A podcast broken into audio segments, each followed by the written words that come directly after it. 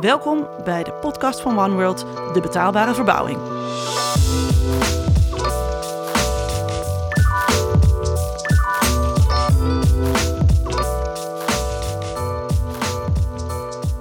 We kennen allemaal wel het klimaatakkoord en weten dat we daar iets mee moeten of mogen, maar heel precies weten we het allemaal niet. En is het verduurzamen van je huis nou voor iedereen?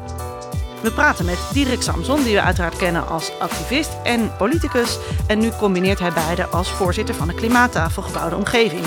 Aan die tafel zit hij samen met Jeroen Pels, hoofdhypotheken van Triodos. In deze podcast horen we van Diederik Samson waarom hij, als zijn cv-ketel stuk is, hij gewoon nog voor een nieuwe cv-ketel gaat. En waarom het allemaal begint bij tochtstrips. En Jeroen Pels vertelt ons dat een duurzame verbouwing natuurlijk geld kost, maar nog meer geld oplevert.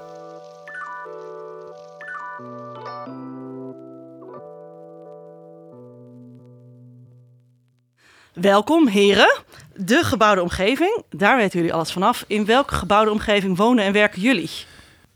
Ja, ik woon gewoon in een uh, keurige eensgezinswoning geschakeld uh, in de mooie Zaanstreek. En hoe, hoe is, het, uh, is het een beetje duurzaam? Nou, het is een uh, label A-woning, nieuwbouw, uh, 2011, uh, met 14 zonnepanelen op het dak en een energierekening van 55 euro per maand. Dus dat is best, best Kijk, kijk. En jij, Diederik? Ja, ik heb ook een hele lage energierekening, maar dat is omdat ik niet zoveel thuis ben.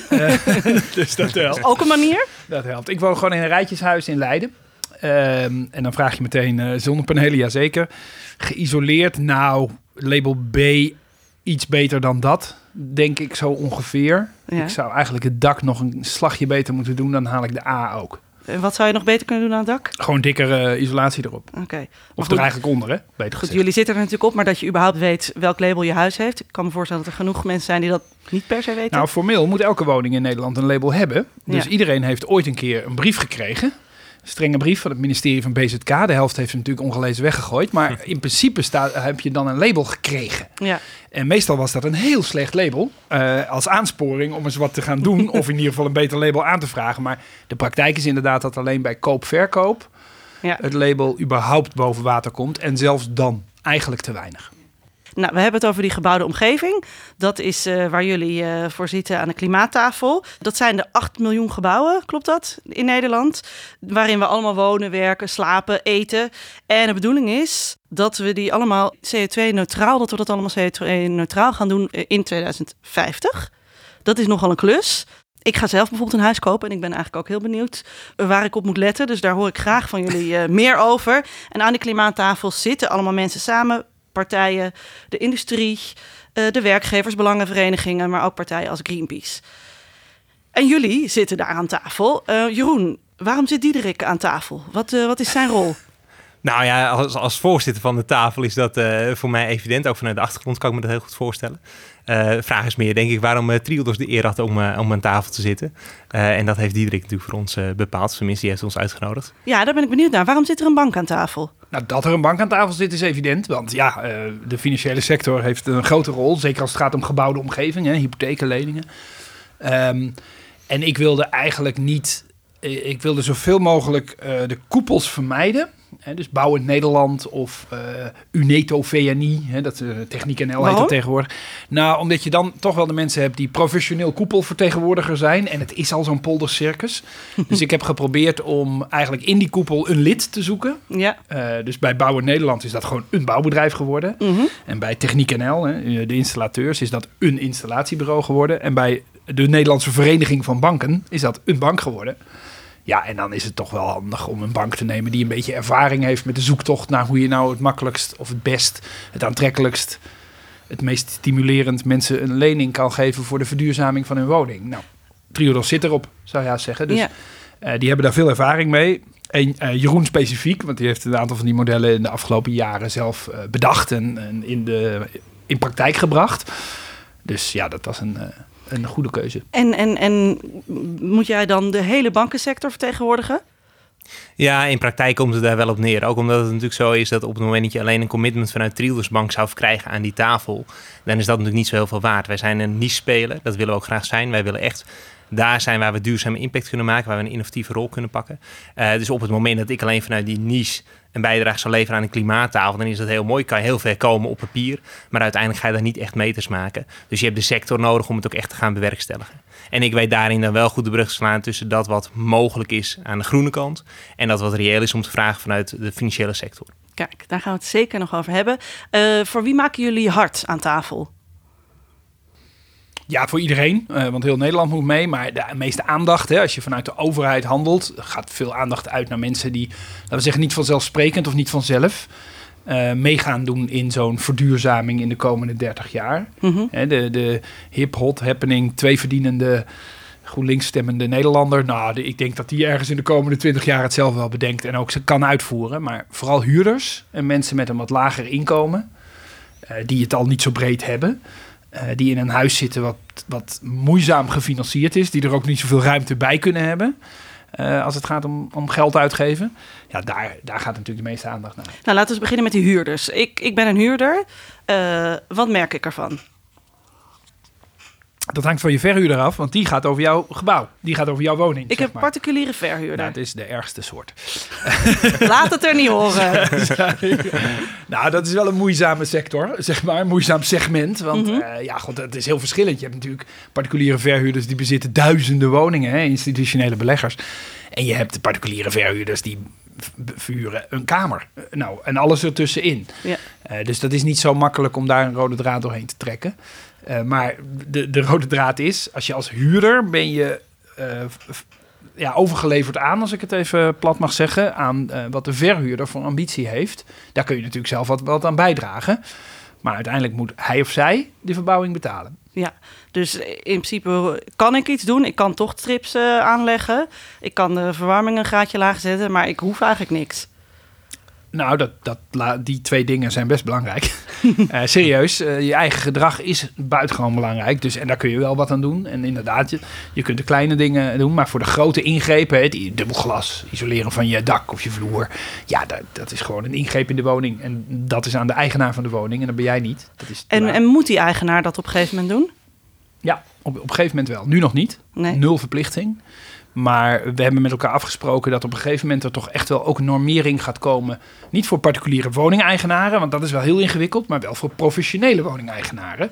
En dat zijn ook verhuurders. Ja. Zul je wel zien dat de verhuurders die onder de 10 woningen zitten, de hele kleine, daar zal wel weer een uitzondering voor gemaakt moeten worden, omdat je die niet op die manier bij de lurven kan pakken. Dan uh, creëren we ongelukken. Ja, en dan uh, de woningbouwcorporaties, die zijn natuurlijk een grote speler, Jeroen. Wat, uh, wat gaan die doen?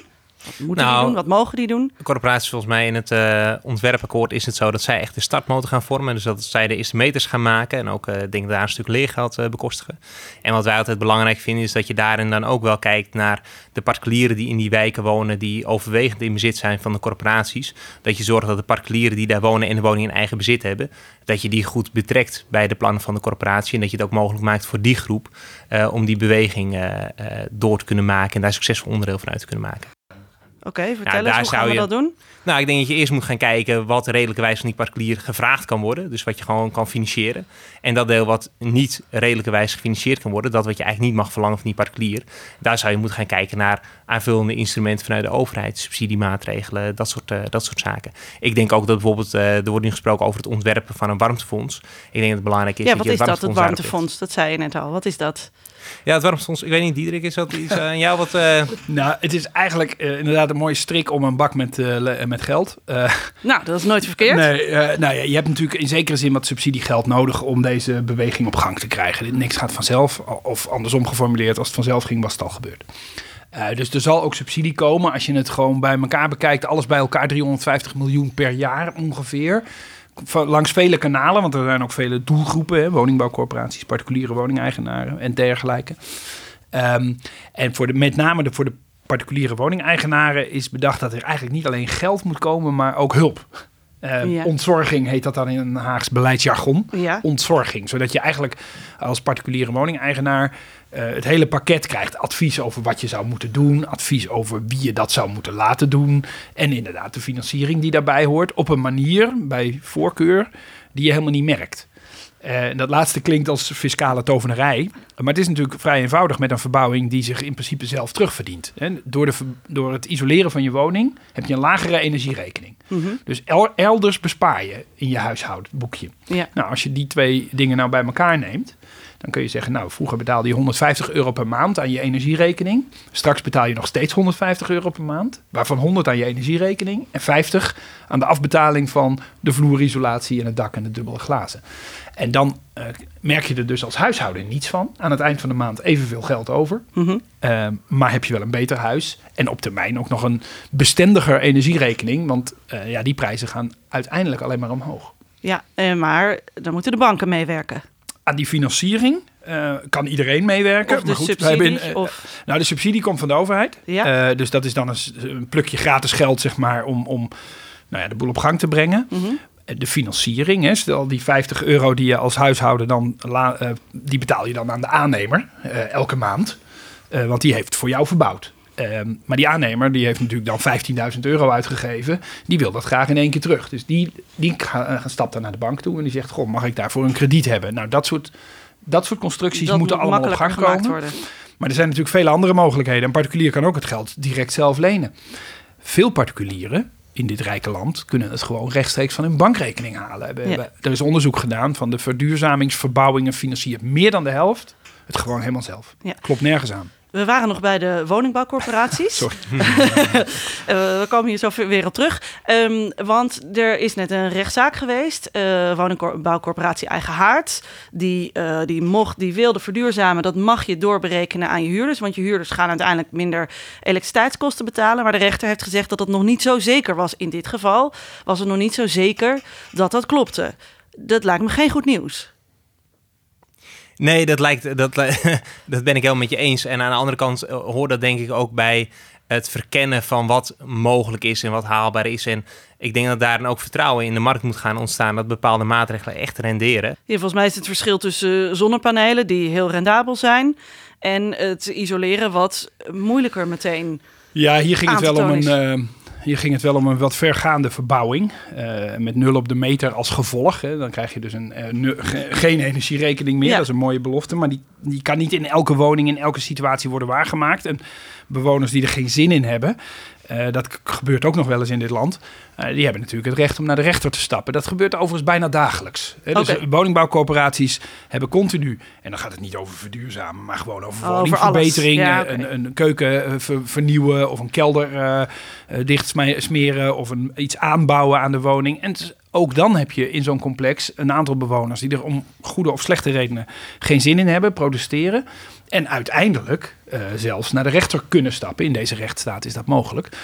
Um, dus ik word hier nou niet zo heel zenuwachtig van. Het was ook wel een verbouwing waarvan Eigenaard zichzelf wel moest stretchen om die zaak te maken dat je het inderdaad helemaal terugverdiende in de energierekening. Okay. En als je het randje opzoekt, ja, dan loop je ook een risico. Er zijn verbouwingen die veel rendabeler zijn, waardoor je de huurder een veel comfortabeler gevoel kan geven. Het tientje erop bij de huur, 25 euro eraf bij de energierekening. Nou, dan moet het raar lopen. Wil dat, wil dat scheef gaan? Ja, dat zal natuurlijk juist in woningbouw scheelt dat. Schelen, scheelt 15 euro in de maand, scheelt nogal. Ja, uh, dat is voor veel huurders is dat veel geld. Uh, en uh, zeker als je dat over 30 jaar elke maand kwijtraakt of binnenkrijgt. Dat is een enorm verschil.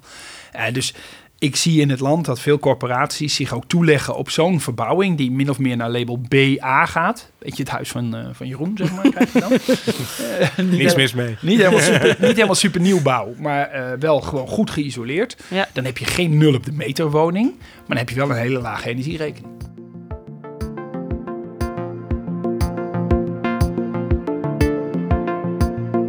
Over die consument gesproken, degene die een huis gaat kopen. Toevallig zit ik nu in die situatie.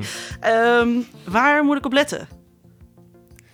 Nou, ten eerste het energielabel, niet alleen het overheidslabel, maar laat ook echt goed een, eh, een index bepalen. Kijk goed naar het daadwerkelijk uh, verbruik van de, van de woning. En ga vervolgens ook kijken wat nu de investering die je zou kunnen doen, uh, die nu rondrekenen en ook die je het waard vindt om toe te passen. Uh, want ik vind het altijd heel erg zonde als we kijken, nu dagelijks passeren er uh, vele woningen die niet aangepakt worden, terwijl wel komende 30 jaar de hypotheek gaat lopen. En je weet eigenlijk één ding zeker, in de looptijd van die hypotheek gaat die woning verduurzaamd worden. Dus is eigenlijk een, eh, uitstel van je investering die je doet op het moment dat je hem nu niet energiezuiniger maakt. En het aardige is ook dat een woning die je verduurzaamt is gewoon aantoonbaar meer waard, is couranter. Uh, dus ook aan die kant, los even van de terugverdientijden, uh, je woning is ook gewoon echt uh, in euro's meer waard geworden in de tussentijd. Ja, maar dat is ook, uh, je hebt volgens mij zelf in een artikel gezegd eens van ja, ja, een huis van 100.000 euro en je gaat dat voor nou, 30.000 euro verduurzamen. Dat huis is niet ineens 130.000 euro waard. Nou, maar dat, het gaat eigenlijk nog met, dat, dat klopt. Hè. Het is niet altijd uh, een 100% uh, uh, waardevermeerdering. Je moet ook wel dat in combinatie zien met die terugverdientijd. Dus stel dat je ergens van plan bent 10 jaar te gaan wonen en een woning wordt bijvoorbeeld 2,5% meer waarde dat je twee labelstappen zet, dan kun je dat eigenlijk aftrekken van je terugverdientijd. Hè. Dus dan kun, je dat, kun je dat zo meenemen. Je moet er niet op rekenen dat die woning meteen, dat je dat meteen helemaal verzilvert in de, in de waarde. Dat zit natuurlijk ook in comfort en gezondheid en in je besparing. Maar wat ik daarmee met name, met name probeerde te adresseren is dat als je kijkt naar bijvoorbeeld een, een woning van een 160.000 euro die helemaal energie-neutraal wil maken en stel je zou daar uh, 80 of 100.000 euro voor uittrekken, dan is die woning niet opeens uh, 260.000 euro waard. En dit is eigenlijk hetzelfde als wat je net ook zei, volgens mij. Van dat, je, dat je heel veel kan behalen met niet. Als niet nou je ultieme doel is 0 op de meter, maar eh, nou gewoon 80% daarvan. Dat je daar al zoveel winst mee kan behalen. Dat is dit een beetje. Uiteindelijk wel. Maar mag ik nog even iets over die aankoop van die woning? Want ja. het is echt het moment om het te gaan doen. Het is het moment dat je woning goed wordt bekeken. Ja. Want je hebt een bouwkundig rapport nodig om überhaupt een hypotheek te kunnen krijgen. Mm -hmm. Dan is het niet zo'n extra, veel extra werk om de woning ook even op energiezuinigheid door te, door te meten, bijna ja. letterlijk. Ja. Zodat je exact weet waar je aan toe bent en wat je zou moeten en kunnen doen. Het is het moment dat je gaat verbouwen. Ja. Want dat doet bijna iedereen die een woning koopt. Die, die vertimmert er wel wat aan. Meestal is het een keuken of een badkamer. Maar neem dan ook die verduurzaming mee. De boel ligt toch overhoop. Er ligt toch zaagsel over de vloer. Het huis is toch leeg. En het is natuurlijk het moment dat je gaat lenen. Uh, ja. ja. meestal wel. Uh, als je ja. zoveel geld hebt dat je, dat je een woning contant uh, kan ja, afrekenen, ik, ik nou, dan, iets lenen, ja, dan is er niet zoveel aan de hand. Dus het is, het is in alle opzichten. Ik mag de laatste tijd veel banken toespreken. De collega's, de conculega's van, van Jeroen, zeg maar de grootbanken. Mm -hmm. En dan zeg ik ook tegen ze: het is eigenlijk onbestaanbaar. En als ik het hard uitdruk, een schande. Dat jullie die mensen van tafel laten vertrekken met een hypotheek zonder verbouwing. En gelukkig zie ik steeds meer van die grote banken. We hebben er ook niet zoveel. Maar twee van de drie in ieder geval op dit moment al bezig met een, een aanpak waarbij ze inderdaad de aspirant koper. Uh, niet alleen voorlichten over dat ingewikkelde verhaal over die hypotheek. Mm -hmm. Maar ook over wat je daarbij kan doen om de woning beter te maken. Ja, want, want, je mag uh, 106% lenen, toch? Ja, Als je verduurzaamt. Ja, en me, soms is dat niet eens nodig. Je mag ook uh, op andere manieren dat geld financieren. Het gaat erom dat de bank uh, zich moet realiseren dat als zij in staat is om de, om de koper niet alleen een hypotheek te geven, maar ook een verbouwing. Ja. ja, dan is iedereen beter af. Hè? Het huis wordt beter, ja. het milieu wordt beter, de koper is beter af, want die heeft een lagere energierekening en die verdient zichzelf terug. En de bank, eerlijk is eerlijk, is ook beter af, want die heeft, die meer omzet ja. gemaakt dan als hij alleen de hypotheek had. Waarom doen ze dat dan nog ik niet? Ik begrijp er niets van. Nou, ik begrijp het natuurlijk wel. uh, kijk, het is, het is moeilijk doenerij. Hè? Als mensen willen gewoon een hypotheek en verder niks. Dat, dat is op, over het algemeen, me, mensen zijn niet zo heel vaak met energie bezig. Ongeveer 10 seconden per dag.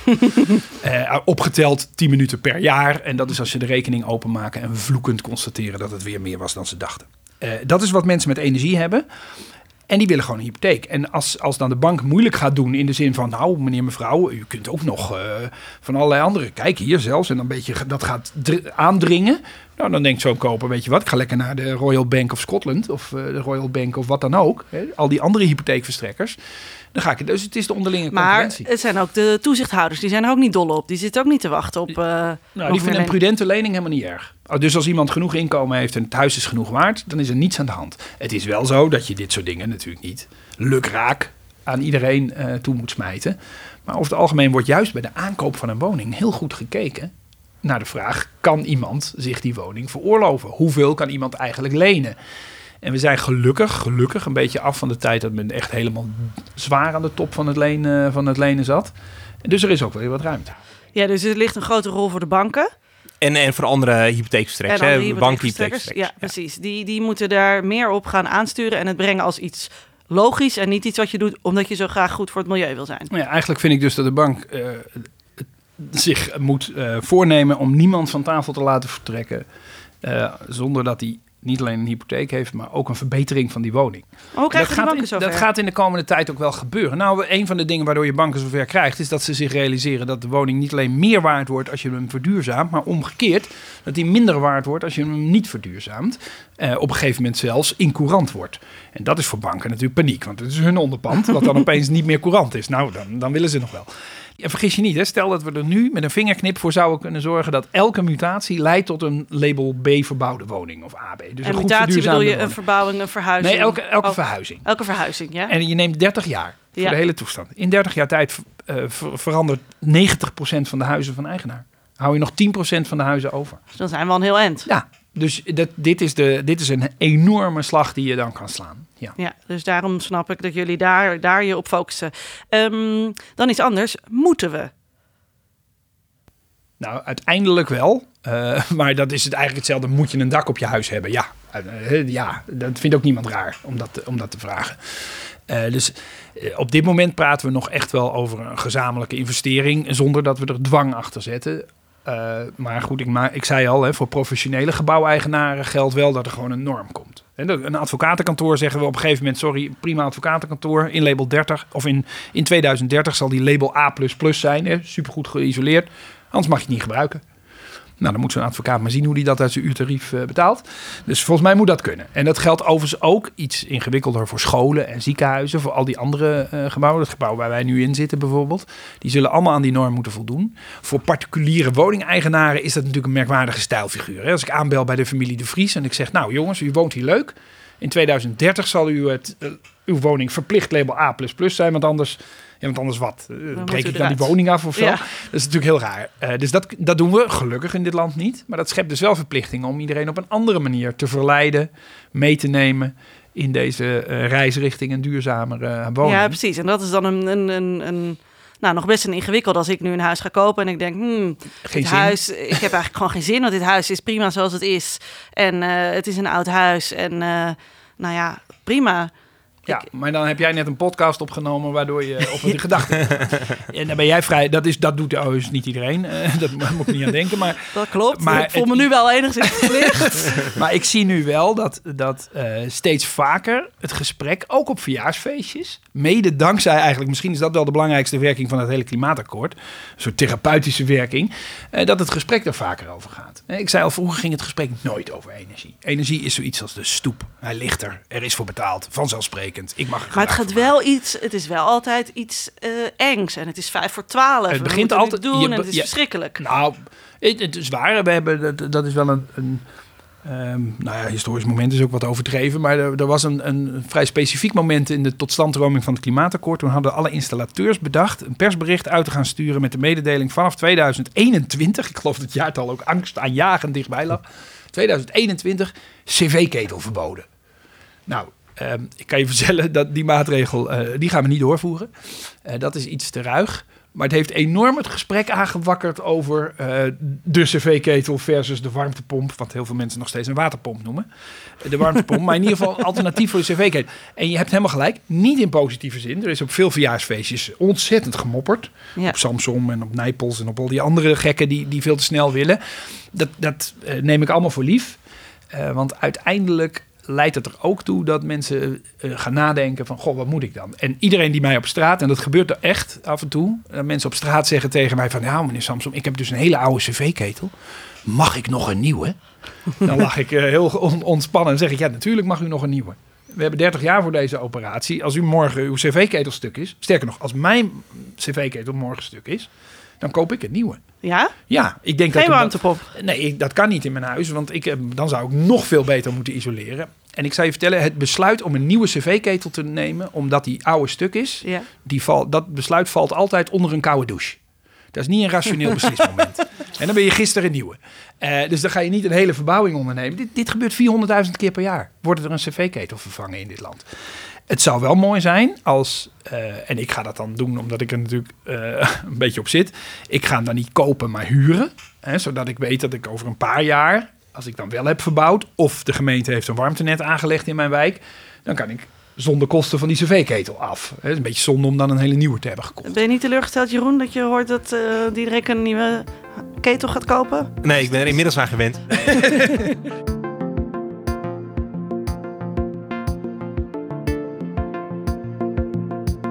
De bedoeling is dat we wijk voor wijk eh, nou, van het gas afgaan, tenminste waar dat mogelijk is. En dan een warmtenet. Uh, wil je even uitleggen wat een warmtenet is?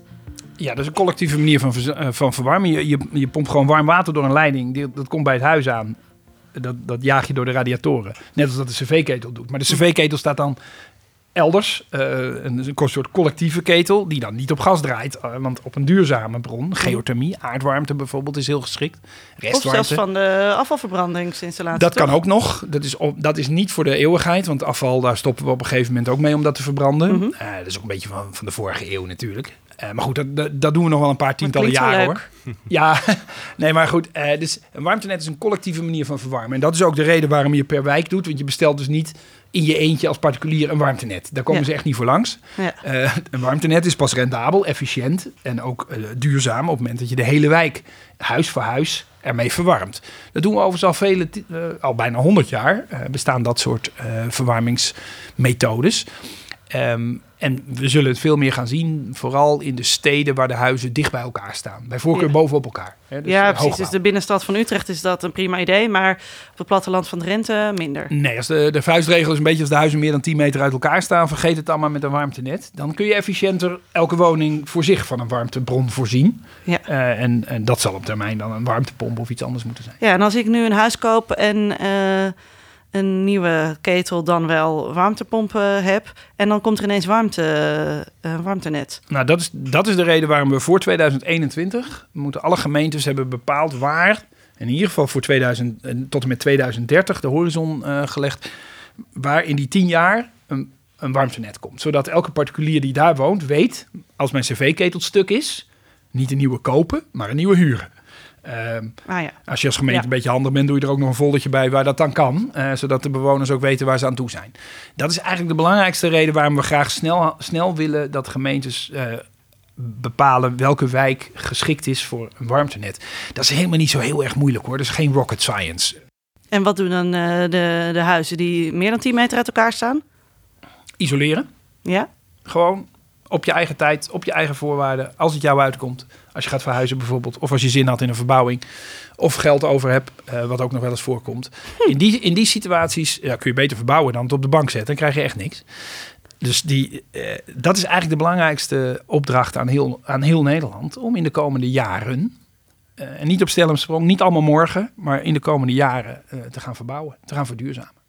Ik denk overigens, kijk, als je goed kijkt naar die wijken en je kijkt in praktijk wat er nu gebeurt, want er gebeurt al heel veel. Hè? Het is interessant, we zitten allemaal te wachten op het klimaatakkoord. Het wordt een soort wachten op Godot.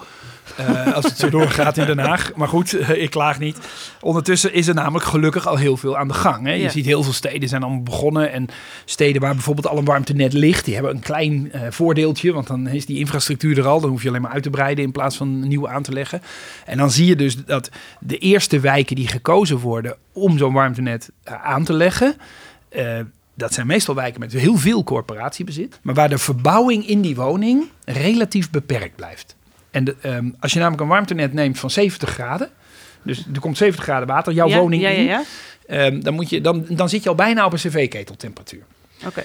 Uh, voor een gewoon huis is het zelfs de cv-keteltemperatuur. Maar goed, sommige mensen in Nederland hebben of een hele slechte woning of het graag heel warm. En die zetten hun cv-ketel dan op 80 graden. Lekker tropisch. Ja, lekker tropisch.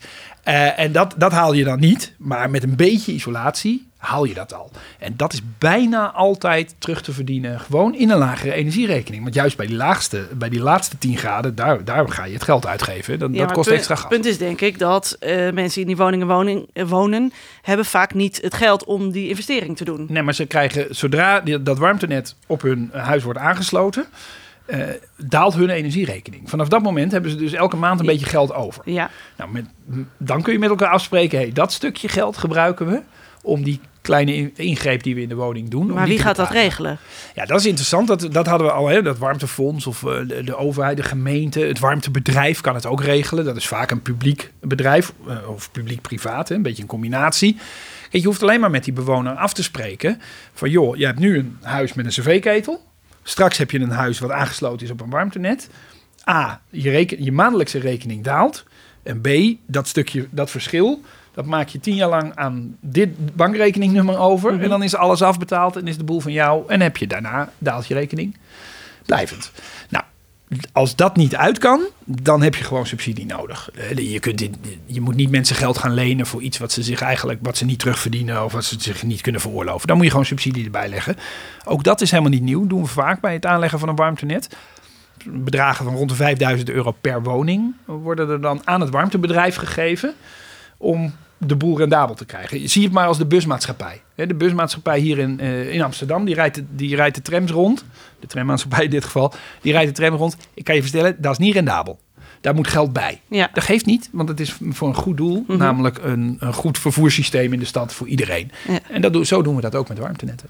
En wat natuurlijk belangrijk is daarbij, is dat je dan consensus gaat vinden over die woonlastenneutraliteit. Dus dat we dat breed mogen toepassen. Ja, dus dat je, dat je een, een, een, eh, een hypotheek of een lening krijgt die op basis niet alleen van je inkomen, maar ook van de energierekening. Bedoel je Ja, dat? exact, exact. En dat is, eh, Dat is wel nieuw. Terwijl wij vanuit Triodos-bank veel meer nog pleiten voor een wat meer integrale benadering van die woonlastenaanpak. Zodat je echt gaat zeggen van nou, als we nu kijken naar de lasten die verbonden zijn aan een woning, dan is het eigenlijk gek dat we nu bij iedere hypotheek die wij verstrekken uitgaan van het feit dat iemand in een appartement label C woont. Eh, dus bij iedere hypotheek die verstrekt wordt, zeggen wij van nou, we gaan ervan uit dat jij een energierekening hebt van dat Dit zijn je inkomsten, dit zijn je uitgaven. Die uitgaven die kloppen Ja, dus, dus- som- soms helemaal niet. Of ik in een woning woon met een energierekening van 300 euro of eentje met een energierekening van Maakt 20 nogal euro. uit. Ik mag in beide situaties exact evenveel lenen. En dat is dus ook eigenlijk de dialoog die wij nu proberen aan te wakkeren met de sector en ook met de eh, toezichthouders. Als we nu echt systematische oplossingen zouden willen gaan vinden, dan zou je moeten gaan zeggen: nee, we gaan het niet alleen toepassen op gebouwgebonden financieringsvarianten, maar je gaat het breder trekken. Dus je gaat echt de woonlasten integreren in je toetsnormen voor hypotheken. En dan krijg je ook dat het veel logischer op elkaar aan gaat sluiten. En ook dat je weet dat die natuurlijke momenten, die verhuismomenten, dan is het ook niet meer inspiratief. Ben je niet afhankelijk van de begeistering zeg maar, van, die, van die bankier die tegenover je zit. Maar dan weet je dat het gewoon ingebed is in het systeem. Ja. Dus dat dat een heel logisch onderwerp van gesprek is. Omdat je gewoon minder mag lenen voor een minder duurzame woning. En meer mag lenen voor een duurzame is dat woning. is echt natuurlijk een hele goede trigger om dat te gaan doen. En dan we hebben het over die gebouwgebonden financiering. Ik kwam al een paar keer voorbij.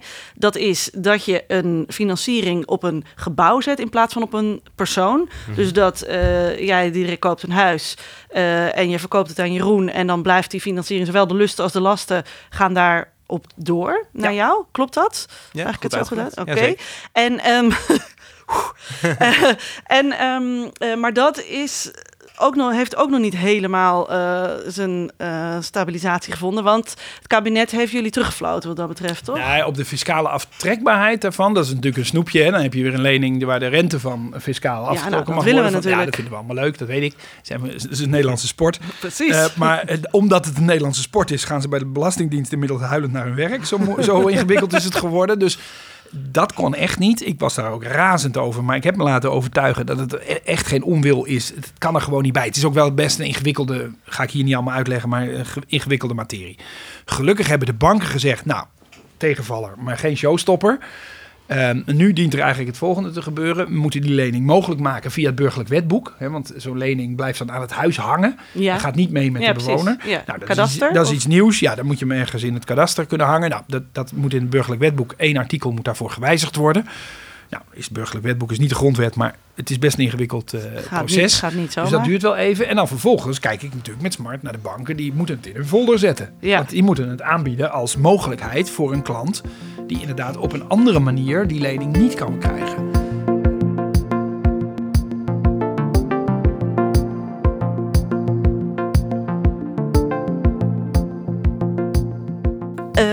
De taxateurs, die hebben die een rol? Want eh, nu als je huis inderdaad je bouwkundige inspectie doet, leren we dan iets over hoe duurzaam het huis is en of dat een rol speelt bij de waarde?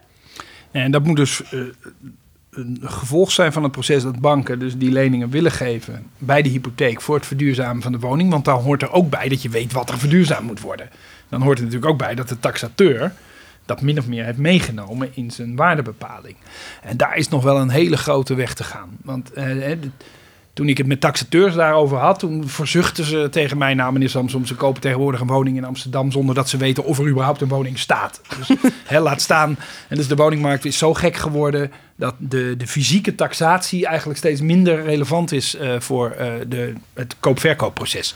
Nou, dat moet natuurlijk wel weer een beetje normaliseren. Dat doet het gelukkig ook. En dan moeten die taxateurs dit gewoon echt gaan meenemen, zodat precies wat eh, Jeroen beschrijft en wat voor de banken de belangrijkste incentive zou zijn, dat je dus ook ziet dat een woning minder waard wordt op het moment dat je. Ja, want ik zag nu vooral Eh, in die gekke slecht. Amsterdamse markt een woning die ongeveer een ton meer was en wel vijf keer het woord fun- eh, op Funda vijf keer het woord duurzaam stond. Ja, Dat zag ik nu vooral. Nou, dat is wel eigenlijk, dat vind ik nog niet eens zo'n gek verkoopargument, maar. Nee, maar een ton meer weet ik niet of iedereen Nee. dat ervoor neerlegt. Nee, dus, maar de taxateur moet daar dus veel meer op gaan letten. En we hebben ook wel gesproken over bijvoorbeeld eh, de mogelijkheid om de nationale hypotheekgarantie alleen maar af te geven op het moment dat een woning ook daadwerkelijk echt is gekeurd op eh, zijn energiezuinigheid, zodat de bewoner, de koper, eigenaar weet eh, wat hem te doen staat. Dat is eigenlijk nu, die, die paragraaf blijft feitelijk nu leeg. Nou, dat kan natuurlijk Ja. niet. En, Ja, en, en- het is natuurlijk ook zo- wel zo hè, dat een taxateur heeft gewoon ook zijn eigen verantwoordelijkheid. Dus die heeft gewoon een waarde van een woning vast te stellen. Eh, en we wonen ook niet allemaal in centrum Amsterdam. Eh, en de correlatie is heel duidelijk tussen de energieprestatie van een woning en de waarde van een woning en de courantheid. Er is allerlei onderzoek naar gedaan. Ehm, dus tegelijkertijd is het zo dat die keten moet beter gaan werken. Dus als, dat, eh, als die leensystematiek beter doorwerkt, dan is het ook logischer dat taxateurs het gaan waarderen. En aan de andere kant geldt dat ze daar nu ook al die rol te pakken hebben. Ze spreken ook wel die intenties uit. Alleen in praktijk zie je dat heel veel individuele taxateurs en makelaars dit gewoon nog terzijde schuiven en het gewoon niet boeiend genoeg vinden of die energie er niet in willen steken. En dat vind ik wel echt een ontkenning van je eigen rol in de keten. Want dit is echt, is daar moeilijk. begint wel de dialoog. En dat is moeilijk als koper of als huizenbezitter, dat je dus nog niet ziet dat je huis meer of minder waard wordt afhankelijk van de duurzaamheid. Nee, en sterker nog, als je nu een woning taxeert, zou je eigenlijk moeten presenteren van, joh, u koopt een woning eh, met een label G. Eh, dat betekent wel dat deze woning 10.000, 15.000 meer waard was geweest als een label C of een label B woning was geweest. In dat soort verhoudingen zou je eigenlijk dat gesprek aan moeten gaan en zou je moeten kunnen laten zien van deze woning heeft aan energiebesparende maatregelen te winnen. En dan gewoon keurig even een opsomming van zaken die je zou kunnen toepassen. En ongeveer een indicatie van welke investering dat ze, eh, met zich mee zou brengen. En eh, in welke mate dat dus de, de waarde zou beïnvloeden. En je zei het net in een bijzin, maar eh, een verschil tussen inderdaad bijvoorbeeld de Randstad en ergens anders, of bijvoorbeeld grote steden en de provincie. Ja. Zien we daar verschillen? Ja, dat blijkt uit onderzoek. Dat, eh, het, het, het is ook zo dat in overhitte markten, zoals bijvoorbeeld hier Centrum Amsterdam, Den Haag, staat hetzelfde, Utrecht. Daarin zie je dat de verschillen kleiner worden, omdat locatie, locatie, locatie, bekende makelaarsbegrip, dat staat dan gewoon centraal in die transactie, eh, eh, bij, bij, het tot stand komen van die transacties. En, en dat is dan niet altijd zo dat daarin ook echt de kwaliteit van onderpand even zorgvuldig wordt gewogen. Dus dan zie je in dat soort omstandigheden dat in de buitengebieden dat de correlatie steviger is dan in, eh, eh, in de overhitte markt in de binnensteden. Dus in de buitengebieden heb je eigenlijk meer aan je duurzame woning, of tenminste meer in waarde. Ja, maar die markt gaat natuurlijk ook weer een keer normaliseren. En dat zie je nu trouwens ook al in de steden gebeuren. Dat je ziet dat juist de omringende gebieden eh, nu wat, eh, wat sneller stijgen als dat de eh, binnensteden dat doen. Ehm, en je moet natuurlijk ook wel je beleid voeren op basis van een normale markt. Want een paar jaar geleden hadden we het gesprek nog precies omgekeerd. Dus laten we ook niet iedere keer met al die, ja, al die golven te veel meedijnen. En daar ook een beetje doorheen proberen te varen. Oké, ehm, tot slot eigenlijk de vraag waar we mee beginnen en ook eindigen is... is een duurzame woning, is dat betaalbaar voor iedereen? Ja, Ja, ik geloof dat zeker ook. En helemaal met een verantwoorde stap voor stap aanpakken. En een, eh, het benutten van die natuurlijke momenten. eh, gegarandeerd, ja. En, en hoe krijgen we mensen zover dat ze dat willen? Oh. Nou, dat is, daar, is geen, eh, daar is niet één receptuur voor. Maar de, de aanpak die we nu kiezen, hè, het, het gesprek beginnen, allerlei maatregelen nemen, de, de juiste spelers, eh, aannemers, banken, installateurs, taxateurs, eh, eh, nou ja, die, in, die motiveren om, eh, om hiermee aan de slag te gaan. En dan ben ik ervan overtuigd over tien jaar en denken, oh god, wat vanzelfsprekend eigenlijk.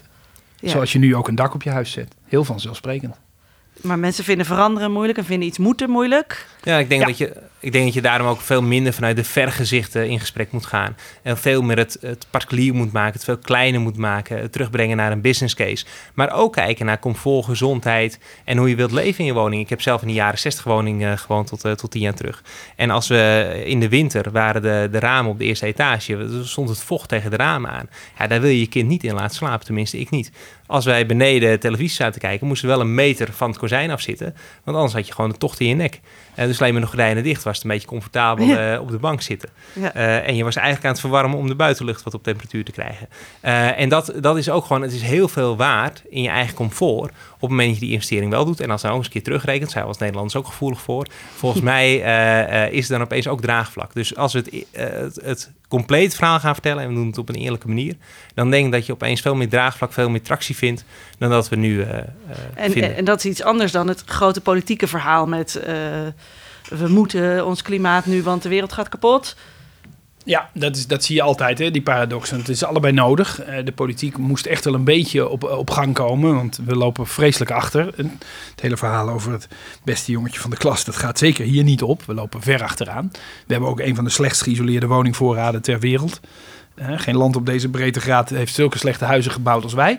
Maar dat kon ook, hè, want we hadden dat gas tot onze beschikking. Maar ja, dat, dat is nu achter de rug. Dus nu moeten we iets beters verzinnen. En om dat op gang te krijgen, heeft de politiek grote woorden, grote vergezichten, grote maatregelen, grote bewegingen eh, nodig. Ehm, en dat zijn nou precies de bewegingen waar de meeste ge- gewone Nederlanders eh, niet zo heel blij en vooral zenuwachtig en ongerust van worden. Eh, het is nu zaak om de balans daar gewoon in te vinden. Nu is het boeltje op gang, dat klimaatakkoord had rolt. Ik weet niet of het ooit de finish haalt, maar dat zullen we zien. Eh, Oh, nou, nee, de komende. Het had natuurlijk al af moeten zijn. Hè? Dus, maar het kabinet aarzelt een beetje met die laatste stap. ja. Nou, dat, dat snap ik ook wel weer. Maar ergens in de komende periode eh, ronden we dat af. Maar veel belangrijker dan dat is dat het hele het werk op gang komt. Dat er gewoon gebouwd en verbouwd gaat worden. Zodat we in dit land eh, duurzamer eindigen dan dat we begonnen zijn. Dit was hem, de podcast De Betaalbare Verbouwing, waarin we antwoord kregen of verduurzamen van je huis voor iedere portemonnee is. Ik dank Diederik Samson en Jeroen Pels voor dit gesprek. Lieke Malkorps van Dag en Nacht Media, die aan de knoppen zit. En mijn naam is Veerle Korstens namens OneWorld. Heb je nou nog niet genoeg en wil je nog meer weten over de klimaattafel gebouwde omgeving? Luister dan ook naar de podcast De grootste verbouwing van Nederland, te vinden op de website van OneWorld.